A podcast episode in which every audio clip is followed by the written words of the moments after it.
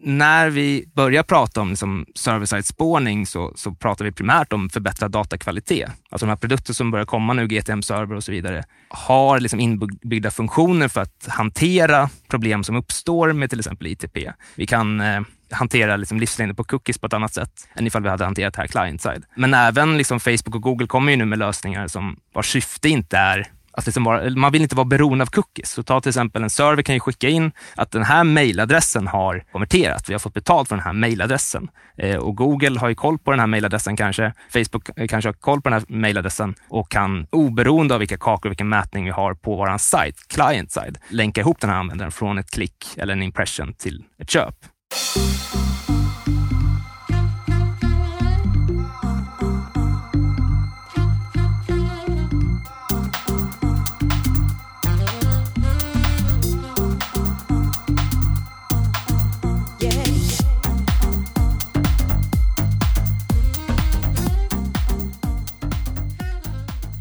Välkommen tillbaka till Digital marknadsföring med Tony Hammarlund. Det här är en podd där jag intervjuar branschexperter och marknadsförare för att lära mig mer om digital marknadsföring.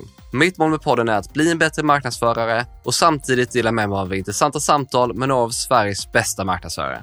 De senaste åren har vi sett att vår datakvalitet blir allt sämre till följd av allt från ITP och adblockers till utfasning av tredjepartskakor och regler kring hantering av konsent. Och lägg där till GDPR, compliance och hårdare privacyregler rent generellt. Men det finns sätt att minska effekten av detta och samtidigt uppfylla regler och krav på ett bättre sätt. Så i det här avsnittet kommer vi att prata om hur vi kan hantera vår spårning server-side och vad det faktiskt innebär. Samt hur verktyg som Google Tag Manager Server låter oss göra det.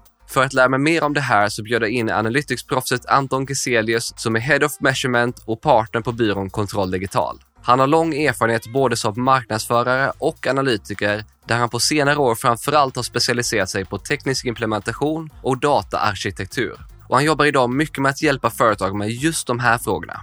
Anton och jag pratar i avsnittet om hantering av spårning server-side och vad vi marknadsförare behöver ha koll på kring det. Han förklarar bland annat vad det innebär i praktiken och vad som skiljer mellan client-side och server-side. Samt hur Google Tag Manager Server kan hjälpa oss. Du får dessutom höra om de främsta fördelarna och möjligheterna, däribland hur det kan förbättra vår datakvalitet, nackdelar och vanliga fallgrupper han ser, vad många missförstår kring tekniken, om alla borde satsa på server-side, vad som krävs rent tekniskt för det och hur man kommer igång på ett bra sätt. Samt mycket, mycket mer. Ett riktigt praktiskt avsnitt om service-side och service-side tagging. Anton delar även många konkreta tips för att lyckas med det och undvika vanliga misstag han ser. Så jag hoppas att du kommer gilla avsnittet. Du hittar som vanligt länkar till allt vi nämner i poddlägget på tonyhammarlund.io. Anton har bland annat samlat ihop ett antal länkar till bra artiklar om server-side tagging, Google Tag Manager Server och hur man implementerar det. Men också bra resurser kring Facebook Conversions API och Googles Enhanced Conversions. Så du behöver inte anteckna och efter länkarna hittar du självklart även tidstämpet i olika sektioner i intervjun. Och en annan sak, du prenumererar förhoppningsvis redan, men annars så skulle jag vilja tipsa om det nyhetsbrev som jag varannan vecka skickar ut till tusentals marknadsförare med de senaste nyheterna inom digital marknadsföring. I det levererar en expertpanel analyser inom en rad olika områden och du får även tillgång till en community där du kan diskutera nyheterna och ställa frågor. Låter det intressant så kan du hitta mer information och prenumerera på min webbsida. Innan vi kör igång poddavsnittet så vill jag även passa på att presentera e-commerce recruit som är sponsor och jobbpartner till både podden och nyhetsbrevet. Om du lyssnar på den här podden och är intresserad av jobb inom e-handel och digital marknadsföring så borde du verkligen kolla in deras webbsida. De är experter på jobb inom de här områdena och har alltid spännande tjänster och uppdrag ute. Så gå bara in på e-commercerecruit.se och kolla in deras lediga tjänster. Kanske hittar du drömjobbet och nästa steg i karriären. Tack e-commerce recruit för att ni är med och sponsrar podden. Nu kör vi igång avsnittet och Anton inleder med att förklara skillnaden mellan client-side och server-side samt vad det innebär i praktiken. Om vi pratar om client-side spårning, det är så vi historiskt sett har jobbat med, med tracking, alltså inom digital marknadsföring ja, 10-15 år sedan, då, då var det ganska vanligt att man tog ett skript och gick till utvecklarna och sa okej, snälla kan ni implementera det här? När, när ett köp har gått igenom så pushar det här till Facebook, pushar det här till Google Ads eller till Google Analytics och så vidare. Principen är ju faktiskt fortfarande i princip densamma och har varit det väldigt länge. Vi fick Google Tag Manager som för, för att liksom hantera de här taggarna på ett bättre sätt så att vi inte skulle bli lika beroende av IT. Men i, i praktiken så sker i princip samma sak om man tänker rent tekniskt. Att när man pratar om client-side mätning, så när, när, man pratar om en client så är det en browser om vi pratar webb så, så användarens browser. Så om du som användare har en telefon och i den har en browser och i den exekveras kod. Så när du eh, navigerar på en sida eller klickar på någonting eh, eller köper någonting så är det i den webbläsaren som vi laddar ner, som det laddas ner JavaScript-bibliotek från Facebook och Google eh, och andra aktörer. Och sen när du gör ett köp till exempel så vill vi liksom notifiera de här systemen med en konvertering. Och då skickar vi det direkt från användarens webbläsare till till exempel Facebook eller Google. Och, och det är det som är, som är mätningen hanteras client-side i browsern. Om användaren liksom tar den här telefonen och kastar ut den i, i havet och den sjunker och du inte liksom, eh, eh liksom har den här webbläsaren, webbläsaren öppen längre, då någonstans så drar vi ut liksom kontakten till, till våra system. Ta exemplet att användaren kanske signar upp en free trial under tre dagar. Konverteringen sker tre dagar senare. Det är då vi faktiskt får betalt. Det är då vi vet att det här var en, en konvertering och inte bara liksom en okvalificerad lead. Vi har ingen möjlighet med, med client-side tracking att liksom notifiera våra system att, eh, att det här har hänt, att det har blivit en betalande kund. Utan vi har dragit ut pluggen. Vi har ingen möjlighet att liksom mäta det här längre. För det sker liksom när användaren gör det här i realtid. Så.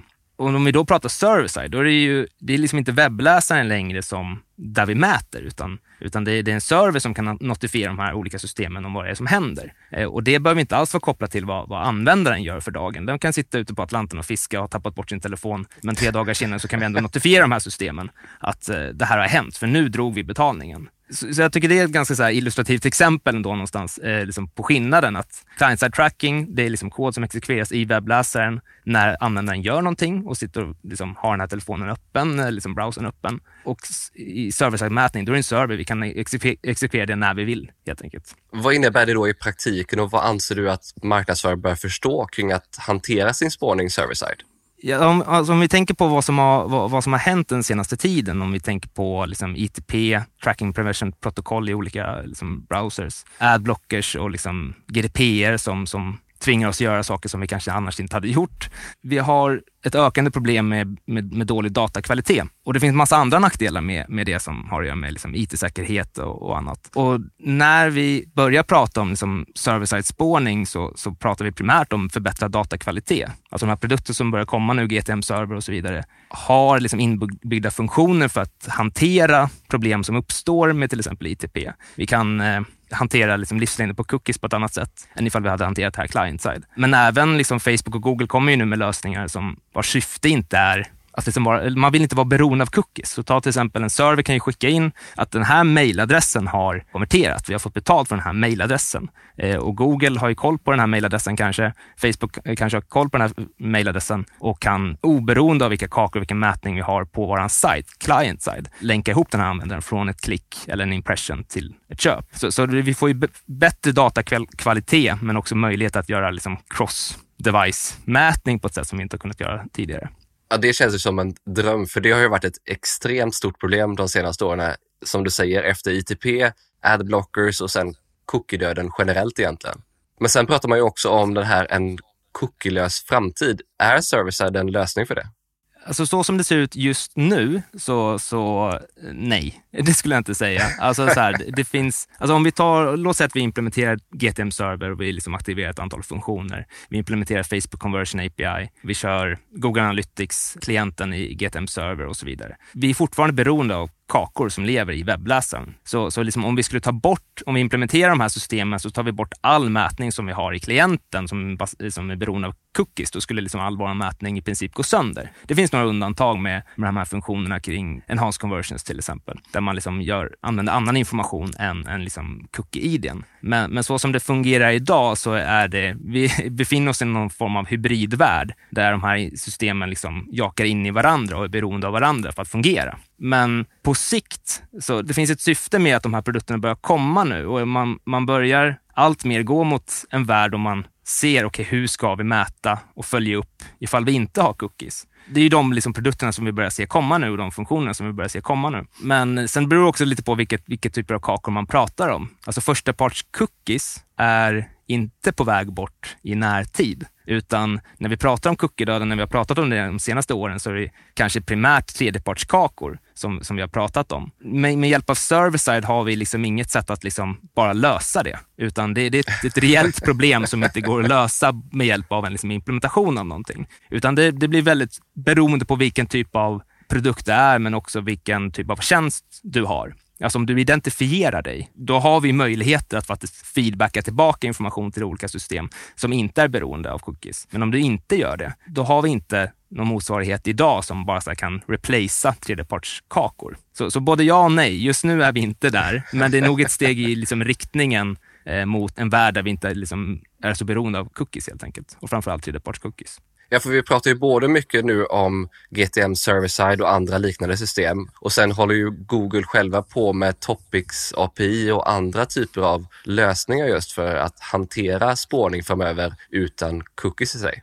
Ja, ja men precis. Och de lösningarna kommer ju inte som en sån här brev på posten som bara, men nu behöver vi inte tredjepartskakor och nu kör vi en annan lösning som bara gör precis det som tredjepartskakor brukade göra. Utan det är andra lösningar som vi, och liksom andra förhållningssätt, modellera data och så vidare. Du som jobbar mycket med de här frågorna och implementerar mycket just GTM server-side. Hur är intresset från företag och marknadsavdelningar runt om i Sverige? Det är jättestort. Det är väldigt många som frågar om det. Givetvis är GA4 på tapeten, men även liksom GTM-server. Men, men det är av olika anledningar. Jag skulle säga att större företag har ofta förfrågningar kring det här och det kommer utifrån liksom, eh, compliance-frågeställningar. Att okej, okay, man är rädd att Google Analytics kanske inte är lagligt så som det är implementerat just nu. Finns det sätt att göra det något mer compliant, till exempel genom att anonymisera IP-adresser liksom, på riktigt? Så. Och de möjligheterna finns ju givetvis. Men det betyder inte att vi är liksom, inte tar någon risk när vi liksom ändå använder de här systemen. Det finns massa andra olika sätt som man kan liksom gå över gränsen. Men, men, stora företag skulle jag säga är intresserade av, av den anledningen. Men sen så har vi liksom kanske mindre företag skulle jag säga att det oftast har att göra med, med ITP, alltså livslängden på förstapartskakor eh, och den problematiken. Och datakvaliteten liksom. Ja, datakvaliteten. Och det är ju liksom givetvis en, en fördel oavsett vem som efterfrågar det här. Så. Men, men anledningen till varför man kommer in på ämnet och har ett intresse för och liksom efterfrågar någonting är lite olika beroende på vilket företag man är. Då kommer vi in lite på det här med vilka fördelar det faktiskt finns med att hantera sin spårning server-side. Så vad skulle du säga, vad är de främsta där?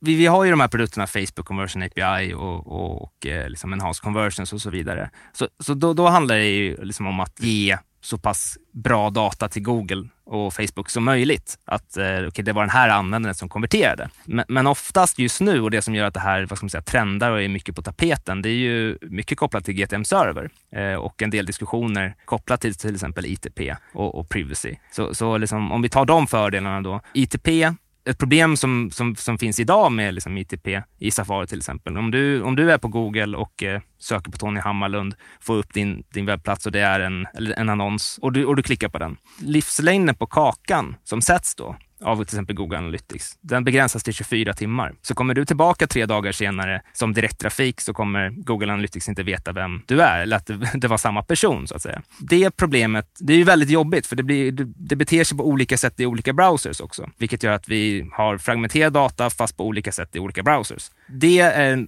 någonting som vi ändå kan mitigera med, med hjälp av GTM Server. Det finns möjlighet att sätta den här kakan i, liksom, från, från servern istället, vilket gör att det inte är föremål för de begränsningarna som kommer med ITP. Så det är en liksom, uppenbar fördel, att du på något sätt lite får tillbaka det så, som var liksom, innan ITP, åtminstone när det kommer till förstapartskakor. En annan del är ju det som jag nämnde, privacy. Ja, du, du kan anonymisera IP-adresser till exempel innan du skickar den någonstans. Det, det, det är ett väldigt aktuellt exempel. Men du har också möjlighet att, att göra andra saker kopplat till det här. Låt säga att du kanske vill, du vill mäta ett user ID, men du får inte. Du får inte skicka det till Google Analytics. Sådana lösningar har vi byggt för några av våra kunder där, vi, där, där det har varit liksom problemet. Okay, vi vill mäta user ID, men vi får inte skicka det till Google, till de servrarna. Och, och då kan man skicka till exempel eh, det här user ID i trackingen från webbläsaren. Eh, vi skickar det med vårt G4 request så, så, och sen när det går till vår server, då tar vi bort det innan vi skickar det till GA4 så att det aldrig kommer till Google. Men vi gör en kopia på det eventet och skickar in det i Google BigQuery och får exakt samma mätning där,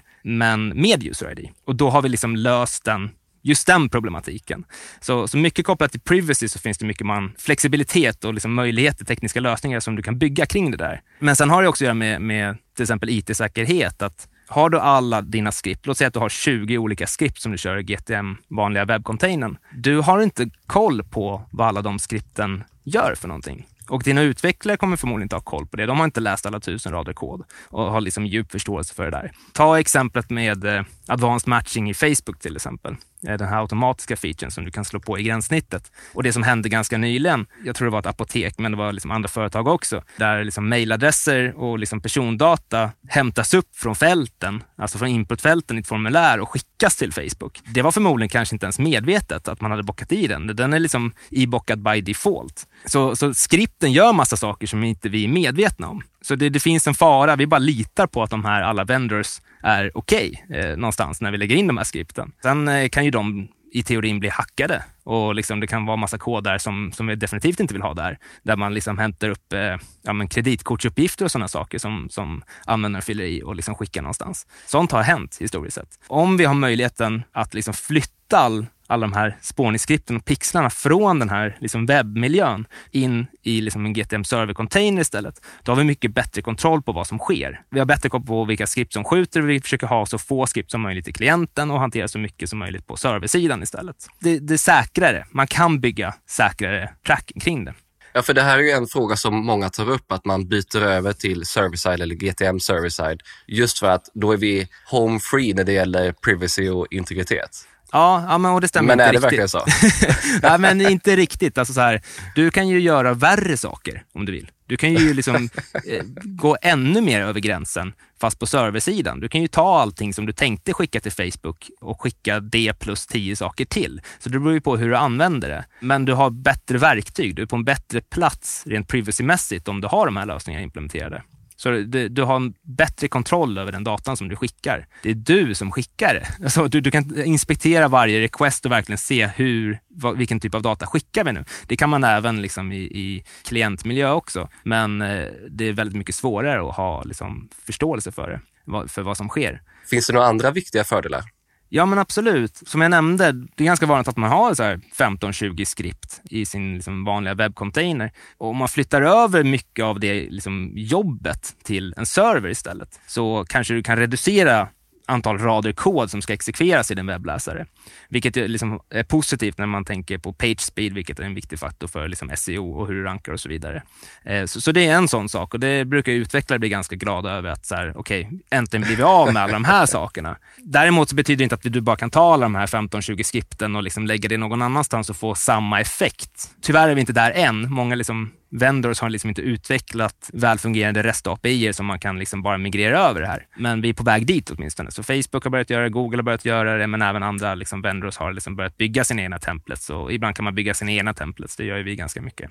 En annan fördel är liksom integrationer. Återigen, liksom recappa på vad liksom GTM Server gör. Istället för att du skickar ett request från webbläsaren till till exempel Google, då skickar du det först till din GTM Server Container. Det är liksom en miljö som du äger. Den, kan li den ligger på egenvald server någonstans. Vanligast dock är att den ligger i Google Cloud Platform. Eh, och Google Cloud Platform har ju massa andra produkter som du liksom kan integrera med den här pipen. Så, så det blir väldigt mycket lättare att liksom jobba med integrationer och aktivera andra kedjor eh, och API-kopplingar i en servermiljö jämfört med till exempel client-side. Du kan ju också skicka skicka request från en server till GTM-server och liksom agera på de requesten. Återigen den här personen som sitter ute och fiskar på Atlanten. Vi kan fortfarande agera och aktivera data vid ett annat tillfälle som har att göra liksom med data, aktivera data som vi har i liksom vår förstapartsdata i andra system och så vidare. Så det blir som en form av lim in till en cloudmiljö där du kan aktivera massa andra system. Kanske säga att okej, okay, när det här eventet har inträffat och sen det här också som har inträffat i ett annat system, då vill vi skicka ett mejl till exempel. Den typen av lösningar har varit väldigt komplext och svårt att bygga tidigare. Nu blir det lättare. Jag ska inte säga att det är lätt, men allt fler produkter börjar integreras mot det här, så det kommer bli lättare. Ja, men det låter ju riktigt intressant just att kunna få in den här typen av integrationer och kopplingar mellan verktyg och kanske också köra det server-side istället för att göra det säkrare och se till att det verkligen triggas. Ja, precis. Sen pratar man väl också väldigt mycket om just att offline-events och saker som händer utanför webben så att säga, nu kan plockas in på ett helt annat sätt i service-spårningen då. Ja men precis. Om, om vi tänker eh, återigen exemplifiera med GTM Server eftersom det är där jag nästan alltid jobbar, den produkten som jag jobbar med. Den är ju liksom agnostisk för vilken information som kommer till den. Så det kan ju vara ett request som kommer, för den, den, den tar emot request helt enkelt. Och det, det requestet kan komma från en webbläsare, vår liksom vanliga tracking pipe som vi har där, eh, som vi kan routa via, via vår liksom, server. Men det kan också komma från var som helst, någon annanstans ifrån. Så från ett kylskåp, det klassiska exemplet. Varför, man, nu, nu, nu, varför det är ett bra exempel. Men det, det är en server, en annan server som kan kommunicera med din GTM server-container. Så ett exempel då, återigen, om det är till exempel en SAS-tjänst och det, Eh, det tar några dagar innan du, du fattar vet att det här blev en konvertering eller en låneansökan, ett bolån, det behöver behandlas, det kanske behövs en manuell process, eh, manuell handpåläggning innan det här liksom faktiskt blir någonting. Så kan vi ha en server som meddelar att okej, okay, nu blev det här en konvertering. Nu vill vi feeda tillbaka det här till våra system. Då kan vi ju liksom många gånger också komplettera det med, eh, med information som mejladress och sådana saker. Om man anser att det är liksom privacy, om det, man tar den risken rent liksom, i den bemärkelsen när det kommer till compliance. Så man har ju möjlighet att liksom få sina konverteringar bekräftade. Okej, okay, nu vet vi att det här blev en konvertering. Vi vet värdet på det och vi vet vilken användare det är. Nu feedar vi tillbaka det till våra system. Och det var, det var väldigt mycket mer komplext förut. Och det var, för utvecklare var det många gånger att man var tvungen att jobba med många olika API för att liksom kunna få pejl på det där. Och man behövde spara ner cookie-iden i webbläsaren och skicka till sin eget, sitt eget backend och försöka stitcha ihop det här. Ja. Nu är det väldigt mycket lättare. Så. Men det här är då några av de största fördelarna. Finns det några nackdelar med att köra server-side? Till att börja med så kommer det med en kostnad. Alltså produkten i sig är gratis att använda, men den här implementationen, den här, den här GTM-containern ska ju ligga på en server någonstans. Och hela idén är ju att liksom den här servern ska ju vara igång hela tiden. Så det vanligaste sättet är att man sätter upp det här i App Engine i GCP eh, eller i Cloud Run, men man kan även sätta upp det i Azure och AWS och så vidare. Eh, och det kommer ju med en kostnad och det kommer vara olika beroende på liksom var du installerar det. Men en liksom default-installation av vanligaste sorten i, i App Engine kanske kostar 1500 spänn per månad. Det är inte en jättesumma för många större bolag, men det kan ändå bli en det är dynamisk kostnad, det är ingen fast kostnad, så det beror på hur, stor, hur mycket trafik du har. Men eh, det kan ju lätt landa på 15-20 000 per år för ett litet bolag. Men det finns sätt att komma runt det. Man kan installera det i cloudrun istället så blir det billigare och så vidare. Men det finns ändå kostnad. Men sen så tycker jag nästan att man ska också komma ihåg att det här, i och med att det kommer med en kostnad, men det kommer också med en kostnad i att det här är ganska tekniskt svårt att, att hantera. Den enklaste formen av GTM Server liksom implementation och konfiguration kan man nog läsa sig till som en marknadsförare. Men så fort du ska göra någonting som är lite custom så blir det väldigt tekniskt komplext. Så en marknadsförare som kanske förut har ryggat för att liksom gå in i GTM och skriva custom JavaScript-variabler och sådana saker och blir lite rädd för det. Det här är snäppet värre. Det här, det här är ännu mer komplext. Så med stor sannolikhet kommer många behöva hjälp med att få det här implementerat, konfigurerat på rätt sätt. Och det är ju också en kostnad. Och det är inte så, det ska man också komma ihåg, att så som man sätter upp GTM Server idag så tar man inte bort GTM webbcontainer, utan man använder de här två parallellt. De fyller olika syften. Så det blir ju ytterligare ett ställe där du konfigurerar din tracking, där du behöver ha kunskap i hur det systemet fungerar. Så du, du tar inte bort ett system och sen migrerar till det andra, utan du har två system som du, som du managerar. Och vissa saker kanske du kan hantera själv, men andra saker kanske inte. Så det, det, det kommer med en kostnad på det sättet också. Med tanke på de då kostnaderna så skulle jag ställa mig frågan, okay, hur pass värdefull är den datan som jag sitter och jobbar med? Alltså om jag bara använder till exempel Google Analytics för att titta på hur många liksom, eh, läser min bloggpost. Om det är det enda som jag följer upp på, ja, men då kanske det inte är katastrof med begränsningarna som kommer med ITP. Det är kanske är good enough det du har idag. Så varför ska du ta den, eh, ta den kostnaden? Däremot ifall du har stora utmaningar och du behöver fida tillbaka olika typer av information eh, från en server och så vidare, då är det tydliga vad värdet är utav det. Och liksom har du 80% av alla dina intäkter från digitala kanaler, men då är ITP ett jätteproblem. Så det är klart att då blir ju värdet av en sån här lösning mycket, mycket högre. Finns det några andra nackdelar som man bör fundera över när man tittar på server-side? Ja, men det var lite det som vi var inne på tidigare. Det beror ju på vilket problem man vill lösa. För det här löser inte alla problem. Det, det löser inte problemet med liksom tredjepartskakor. Så när du till exempel går över till GTM Server, det finns massa problem som vi fortfarande har som vi inte har löst i och med det. Så, så jag ska inte säga att det är en nackdel, men det kan bli fel om man liksom implementerar det av, av fel anledning. Men, men sen finns det andra nackdelar som att eh, just nu så integrerar det inte speciellt väl med, med appar, GTM Server. Du kan fortfarande jobba med det. Du kan ju alltid skicka request till den här servern, men det finns ingen out of the box liksom, eh, plug and play integration mellan till exempel Firebase och GTM Server vilket finns motsvarigheten i Google Analytics då, eh, i webben. Så det finns fortfarande nackdelar eh, i den bemärkelsen, men det kommer ju mer och mer features hela tiden. Och eh, det finns ju också ett template gallery där olika vendors kan liksom skjuta in sina lösningar som du kan liksom använda. Då. Så, så det här eh, växer ju med communityt. Det kommer fler lösningar varje dag. Även om man tycker att fler vendors borde ha hunnit med att släppa templates, för det är fortfarande lite tomt på templates just när man pratar GTM server-side. Ja, absolut. Jag är ofta chockad över hur, hur sena på bollen många vendors är. Det är, det är samma sak med, med GTM webb. Det har ju funnits hur länge som helst och liksom template gallery har funnits hur länge som helst. Men det finns jättemånga stora vendors som inte har liksom, som fortfarande skickar instruktioner. Ja, men här är koden, eh, lägg det i head-sektionen och bara så här, nej men det vet ju ni att alla kommer använda GTM för att implementera det här. I princip alla. Så varför har ni inte byggt en templet för det? Och det är samma sak med, med GTM Server. Det finns ju jättefördelar med att liksom bygga stöd för sin, sin egen produkt, men, men eh, det kommer ju med tiden. Det är både för att förenkla för oss marknadsförare eller andra som ska implementera det, men det är också den här branding-effekten att få ikonen istället för att be någon att lägga in custom HTML. Det, jag förstår inte. Ja, ja. nej inte jag heller. Eh, framförallt när man själv sitter och bygger de här och liksom pratar med en utvecklare från en av de här vendorserna. Tja, jag håller på att bygga en templet för att det blir lättare för mig. Och sen så läser man deras dokumentation som är här, relativt enkel. Det, här, det, det, går på en dag att bygga upp en sån här templet, så varför gör de det inte själva? Men eh, ja, det finns säkert, det finns säkert anledningar.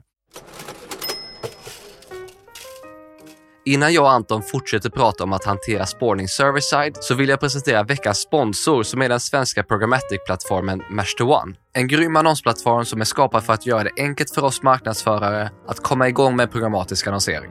Tre saker som Mesh2One gör riktigt bra är 1. Att man är transparenta med datan. Du kan alltid se när, var och hur en konvertering har skett. Och självklart var dina annonser faktiskt har visats.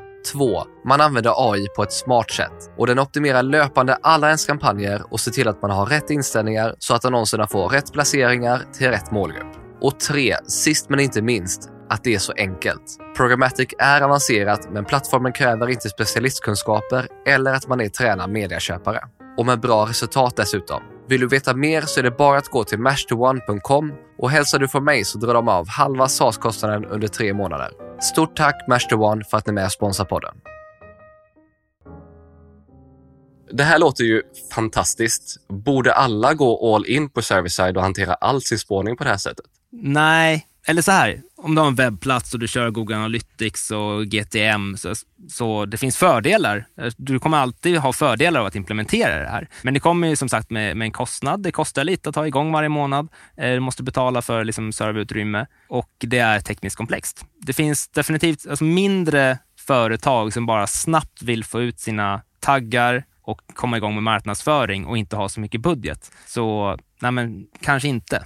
Men det beror på lite också vilket för, typ av företag man är. Alltså har man långa eh, köpcykler så kommer du drabbas mer av ITP och den, eh, problematiken som kommer med det. Och då blir ju värdet kanske större med GTM Server för att du kan faktiskt åtgärda en del av de problemen som kommer med ITP. Vilka företag skulle du säga har mest att vinna på det? Bortsett från de här som, punkterna som jag redan varit inne på, de som är känsliga för liksom ITP om du har lång köpcykel och så vidare, eller ifall du vill implementera det här av, av liksom compliance-skäl och så vidare, så finns det vissa tjänster som är ganska komplexa att följa upp och har varit det liksom länge. Ta, ta till exempel en SaaS-tjänst. Vi har gjort det för en kund, en SaaS-tjänst och det är en business-to-business-produkt.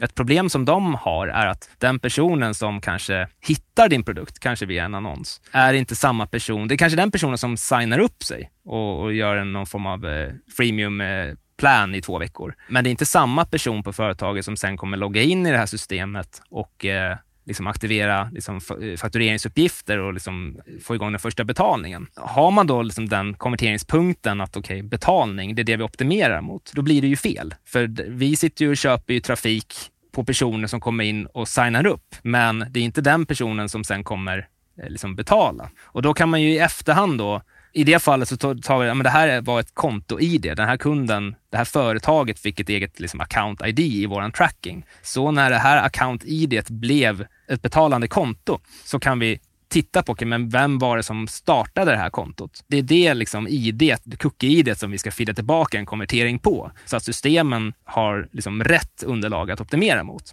Och den där lösningen den har man alltid kunnat bygga, men det har varit mycket mer tekniskt komplext. Vi kan hantera väldigt mycket av den logiken i GTM Server, vilket tidigare har behövt involvera mer utveckling. Så, så det är ett sådant exempel där det är liksom ganska komplexa kundresor och det blir ganska fel många gånger när man optimerar. Ja, men det är jättebra exempel där man också kan dra verkligen nytta av att köra det här server-side, att kunna koppla ihop de här systemen på ett förhoppningsvis lite enklare sätt än vad man har gjort tidigare. Då. Ja, ja men precis. Du har varit inne på det lite tidigare här, men är det här ett val mellan att köra det ena eller det andra? Eller kör man både och när det gäller både GTM och GTM Server? Ja, man, man kör dem parallellt. Det går att implementera bara GTM Server och liksom skjuta in requests dit. Så, så det beror på lite vad man vill göra. Men den vanligaste setupen som nästan alla gör, det är att man har en GTM webbcontainer sedan tidigare. Man hanterar väldigt mycket av sin, eh, sin taggning därigenom. Men så sätter man upp en, en parallell GTM-container i en servermiljö.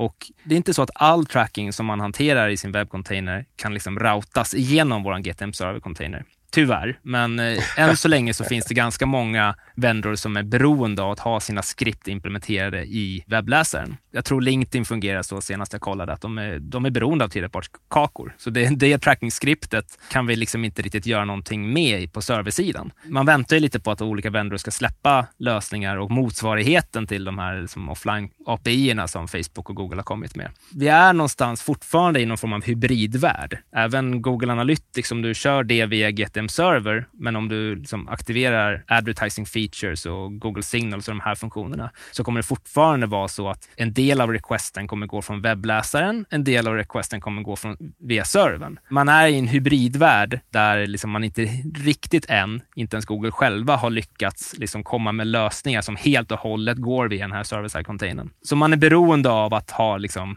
i, i, båda, i båda ändar som tracking. Och, och, ta Facebook till exempel, om man går på deras rekommendationer och deras dokumentation, hur man ska sätta upp det här liksom, according to best practices, så är det fortfarande så att de vill att man ska ha den vanliga webbpixeln i GTM eh, webbcontainern, men att du kör Facebook copy via GTM server. Så, så du har båda de här två. Liksom, liksom I botten så har du pixeln som du alltid haft, men du har också Facebook copy på, på serversidan för att liksom förbättra på datakvaliteten och hantera kakor på ett annat sätt. Vad är anledningen till att man ändå behöver köra det i webbläsaren? Finns det någon information som man bara kan få ut client-side och inte server-side? Ja, det beror lite på vad man gör i GTM Server med, med eh, liksom datan som man skickar vidare. Men man kan ju utgå från att eh, många av de här vendors använder så mycket information de bara kan för att identifiera dig, för att bygga sina profiler. Och eh, skickar vi ett request från en webbläsare, då finns det ju en IP-adress exponerad. Det finns massa attribut kopplat till din webbläsare som de kan läsa av. Så, så de kan ju jobba med olika fingerprinting-modeller i de fallen som de saknar väldigt konkret direkt data som de kan koppla till exempel ett cookie-id och så vidare, ett klick-id och sådär. Så de vill nog inte släppa det här än, även fast de vet att det kommer en värld då, då man måste i allt högre utsträckning göra det. En sån uppenbar funktion är ju liksom tredjeparts-cookies. Det finns ingen motsvarighet till att bara säga nu kör jag mina tredjeparts-cookies från servern istället. Det funkar inte så. Det finns eh, anledningar fortfarande att ha kvar skript både i, i webbläsaren och köra eh, mätning via, via GTM Server. Då. Du har varit inne på både Facebook och Googles produkter och så vidare, men hur är det med andra eh, marketing automation system, CRM-produkter och andra pixlar också för den delen?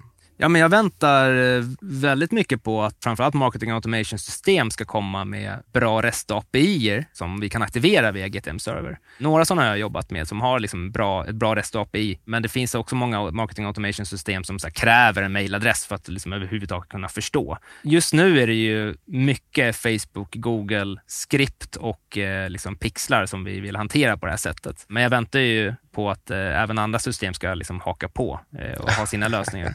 Hur är det med konverteringsoptimeringsprodukter och så vidare?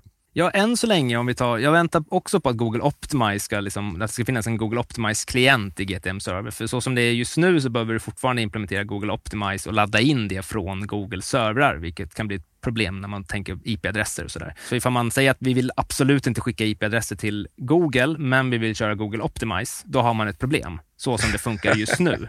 Det, det gäller i alla fall Google Optimize. Och sen så finns det ju andra verktyg som kanske har servrar i Europa och så vidare. Då kanske man inte har samma problem. De är ju också beroende av de här verktygen av att leva i en clientmiljö. För oftast finns det någon form av editor via vilken du ska injicera kod och ändra saker, element och så vidare. Så, så det är liksom en del av det verktygets existensberättigande att de ska vara i klienten. Det är så det funkar. Så vi får se vad, vad som kommer, kommer därifrån helt enkelt.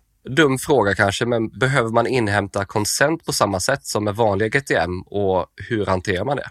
Ja, alltså det vanligaste sättet just nu är nog fortfarande att vi liksom hanterar med hjälp av consent management-plattformar och sådana saker, konsentet i webbläsaren, alltså i client-side. Och så skickar vi helt enkelt inte liksom, sidvisning till GTM-server om vi inte har ett konsent. Så att det liksom löser sig på det sättet. Men i den bästa av världar så skulle man ju vilja att det bara fanns ett event som skickades från webbläsaren till GTM Server och att det är där som vi skickar ut sidvisningar och konverteringar och allt vad det är till alla systemen. Vi hoppas ju att vi, vi går mot den världen då man kan konsolidera det på det sättet. Och då kommer vi ha massa olika system som behöver olika typer av konsent. Och då behöver man hantera det på serversidan. Så det väntar jag också på att Google kanske har någon, eh, någon, någon smart feature kring hur man ska hantera det där. Men det, just nu så är det nog best practice att hantera konsent fortfarande liksom client-side, till exempel via OneTrust eller de här consent management-plattformarna. Hur är det då med Google Analytics och Consent Mode? Ska det ligga i GTM eller GTM Server-side? Ja, men du kan implementera Consent Mode precis som du har gjort kanske hittills då i, i din webbcontainer och eh, GTM Server integrerar väl med det, så den liksom förstör ingenting på vägen. Så, att säga. så de, de, de, de integrerar med varandra. Så i, i, klienten är det vanligaste sättet att man sätter upp consent mode och liksom där har koll på vilka kakor som sätts och så vidare. Men de här liksom cookieless ping som, som vi kan skicka med hjälp av consent mode, de funkar via GTM server. Vilka olika sätt finns det då att sätta upp GTM server-side och hur kommer man igång på ett bra sätt? Det, det är relativt enkelt. Alltså, du skapar en, en, en ny container helt enkelt i Google Tag Manager. Det är gratis, du behöver liksom inte ha i, i det skedet liksom kreditkortsuppgift eller signa upp för någonting, utan du skapar en ny container och så finns det en ny containertyp. Det finns ju olika containertyper sedan tidigare, men nu finns det en som heter server då. Och sen så kan du liksom klicka igenom ett flöde där, där man skapar upp en sån här container. Men det som är värt att bara tänka på när man gör det, att när man eh, går via det liksom standardiserade förfarandet så, så väljer man det som heter automatically provisioned project. Och det som händer då då är att då har du inte kontroll på vart eh, den här eh, liksom, servern i Google Cloud Platform skapas upp. För det är Google Cloud Platform som, den här, som det här projektet skapas upp. Vilket gör att eh, ifall du är noggrann med privacy och vill säkerställa att liksom, IP-adresser inte lämnar EU-regionen så är det bättre att man kör en manuell konfiguration och sätter upp det här manuellt istället. Och då finns det liksom guide för det, hur man hanterar det. Så, det, så det är liksom bara värt att liksom notera, så att man inte börjar med att skapa upp en GTM-container och sen tänker att man det där med privacy tar jag sen, för det, det är det i det skedet som du gör det valet. Då. Men det är ju när du implementerar det här i Google Cloud Platform, vilket är det vanligaste förfarandet. Och då är det oftast så att man använder App Engine, men det finns andra sätt att liksom använda det. Och som jag nämnde tidigare, du kan implementera det här på, i andra miljöer också, så AWS eller Azure eller Cloud Run i, i, i Cloud Platform. Och till och med andra miljöer än, det. Så, så, så det, det, det, finns andra, andra sätt, men det vanligaste sättet är att man skapar upp det i, i Google Cloud Platform. Då. Och det är liksom så långt så är det att skapa upp det här projektet och GTM-servercontainern är eh, liksom inte ett jättejobbigt förfarande. Det klarar du förmodligen av på en timme eller två. Men det man bara måste tänka på att det här kommer ju som sagt med en kostnad i Google Cloud Platform, för du behöver ha en server som ligger, eller servrar som håller den här liksom, eh, instansen igång.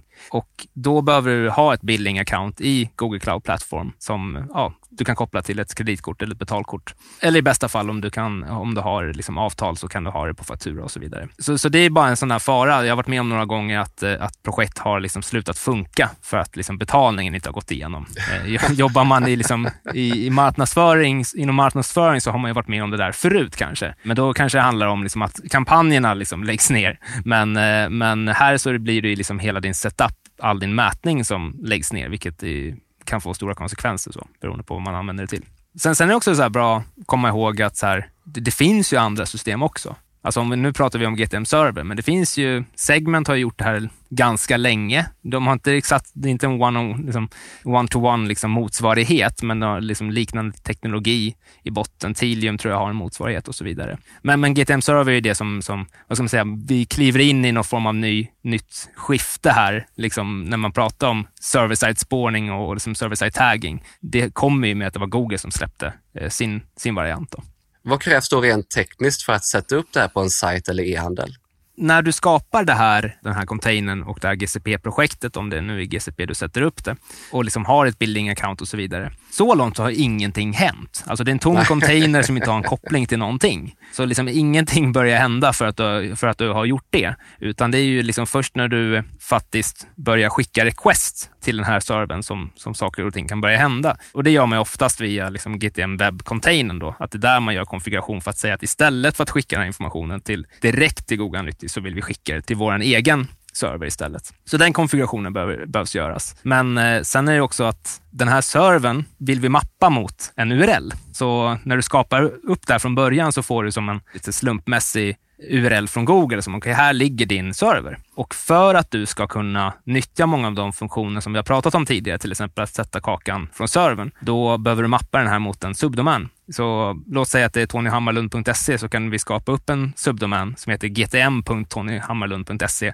eller någonting helt annat och mappa den mot den här GTM server-containern. Så att vi skickar requests från eh, tonyhammarlund.se eh, till gtm.tonyhammarlund.se så att det liksom är en, ett first party-kontext där. Så det är ju någonting som man behöver liksom upp, skapa den här subdomänen och liksom addera DNS records dit för att liksom göra den här mappningen. Då. Och det är någonting som jag ser när folk kanske gör det här själva utan att riktigt veta. Man försöker följa någon guide någonstans så kanske man har tagit sig hela vägen, men man har missat den grejen. Vilket gör att det här, du får inte alla möjligheter som, du, som vi pratar om här i avsnittet till exempel. Jag skulle säga liksom, göra den konfigurationen och, och liksom säkerställa att det blir korrekt, men sen också att du faktiskt skickar, du ska ju använda det till någonting. Så, så det är ju oftast det att man skickar sina Google Analytics request. GA4-requestet är, är liksom väldigt bra att skicka till GTM Server för det finns massa andra produkter som, som liksom integrerar väl mot GA4-requestet och hur det ser ut. Finns det några andra viktiga saker som du tänker att man som marknadsförare behöver tänka på när man ska sätta upp det här själv?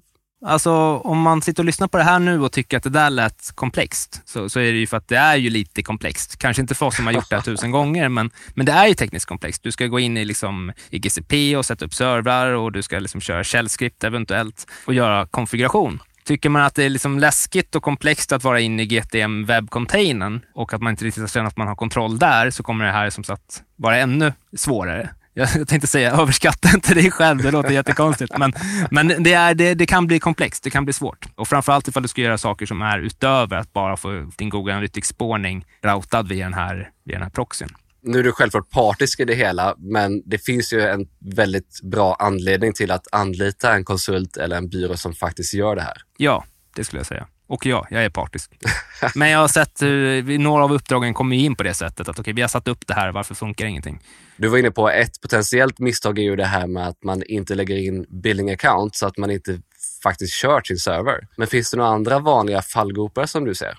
Alltså utöver de som vi har nämnt och varit inne på lite grann, alltså mapp, vi behöver mappa till en subdomän och man behöver göra viss typ av konfiguration och bocka i vissa saker för att få saker och ting fungera som man har tänkt. Men det vanligaste tror jag nästan är att man misstolkar syftet lite grann. Jag har haft eh, en förfrågan som i princip har varit vi vill ha GTM-server för att då behöver vi inte fråga om konsent längre.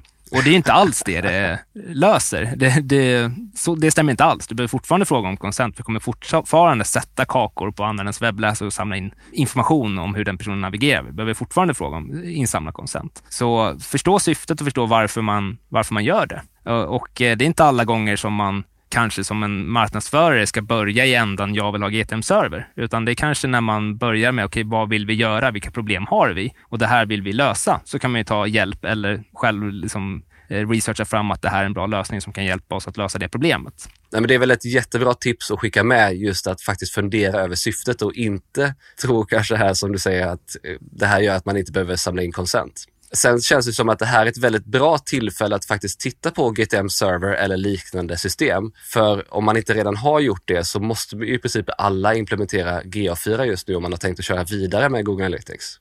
Ja, men absolut. Det finns ju några produkter och features som det pratas mycket om just nu. Alla vill implementera GA4. Man pratar om consent mode, man pratar om enhanced conversions, Facebook conversion API copy och sen GTM server. Och eh, det är inte så att de här löser särskilda problem, utan de här integrerar med varandra också. Så vi är på en bättre plats när vi liksom vill jobba med Facebook Conversion API ifall vi har GTM Server på, plats. Så Ja, jag tycker definitivt att det är, liksom, många av våra projekt ser ut så just nu. Att så här, man vill ha GA4 och GTM Server. Någon form av uppdatering av ens stack någonstans. Men sen ska man komma ihåg det också att okej, okay, implementerar vi GA4, men då får ju du någonting nytt som du ser. Så okej, okay, nu har vi en ny ett, ett nytt verktyg här, en property vi kan logga in och titta på datan som kommer hit. Och vi vet att vi behöver det, för liksom Universal Analytics stängs ner snart och det är borta. Så. Men när det kommer till GTM Server, om vi backar tio år när liksom GTM, vanliga webbcontainern kom, då var det mycket fast kring det och att man skulle implementera det. Men liksom när man lägger in skriptet, GTM-skriptet och sen har en tom container, ingenting har ju hänt. Ingenting sker, men du har implementerat GTM.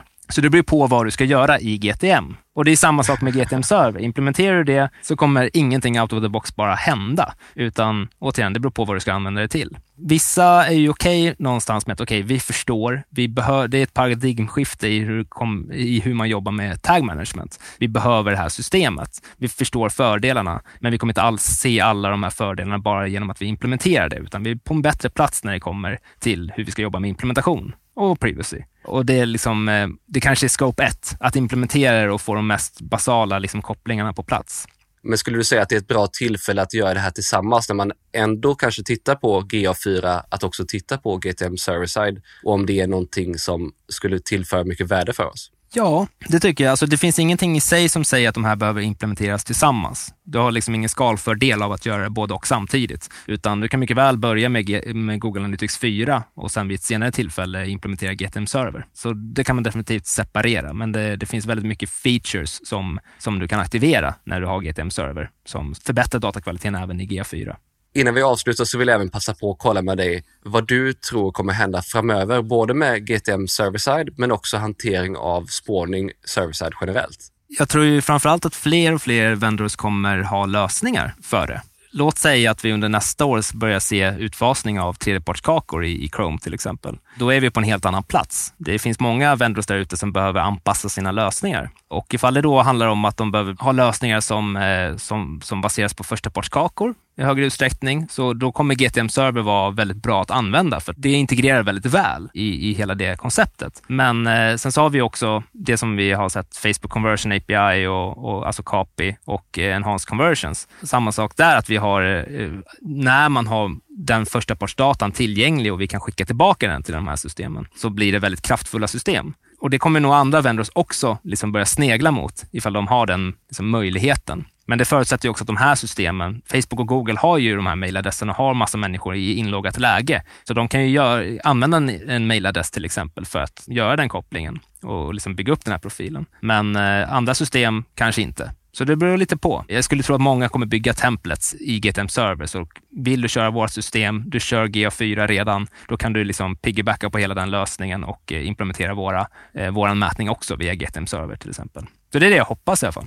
Ja, men sen så är det intressant att se vart vi kommer liksom befinna oss i, kring det legala. Alltså de här lösningarna som vi pratar om, att skicka mejladresser, telefonnummer, och liksom namn och allt vad det är. Det är ju inte helt uppenbart att vi är compliant med det. Det är, det är väldigt tveksamt, för vi befinner oss definitivt i en gråzon där. Så det legala kommer nog också styra väldigt mycket. Och jag vet inte, vi, vi vet ju att eh, Privacy Shield 2.0, någonting motsvarande, eh, är på väg. Vad kommer det innebära för oss eh, som marknadsförare? De två, rent tekniskt så har vi en utveckling, eh, men så har vi också rent legalt som kommer liksom styra vad vi kan och inte kan göra. 2023 kommer nog det hända väldigt mycket kring spårning generellt. Både med hur utvecklingen av server-side ser ut, som du är inne på, vad som händer med Privacy Shield och sen kanske också faktiskt vad som händer med cookies under 2023. Ja. Stort tack för idag Anton. Tack för att jag fick komma. Det där var Anton Geselius på Kontroll Digital om hur vi kan hantera vår spårning server-side och hur vi kan använda Google Tag Manager Server för att göra det. Jag hoppas att du gillade det och att du blev taggad på att titta hur det kan hjälpa dig och ditt företag. Och har du lyssnat så här långt så vill jag även passa på att tacka dig för det. Om du gillar det här avsnittet så hade jag verkligen uppskattat om du tipsar någon du tror kan tycka om det och podden. Och glöm inte av att prenumerera i din poddapp. Dela också gärna dina tankar i en kommentar eller i ett inlägg. Du hittar som vanligt länkar till alla resurser och verktyg vi nämnde i poddlägget på tonyhammarlund.io. Däribland ett antal bra länkar om server-side tagging, Google Tag Manager Server samt hur man implementerar det.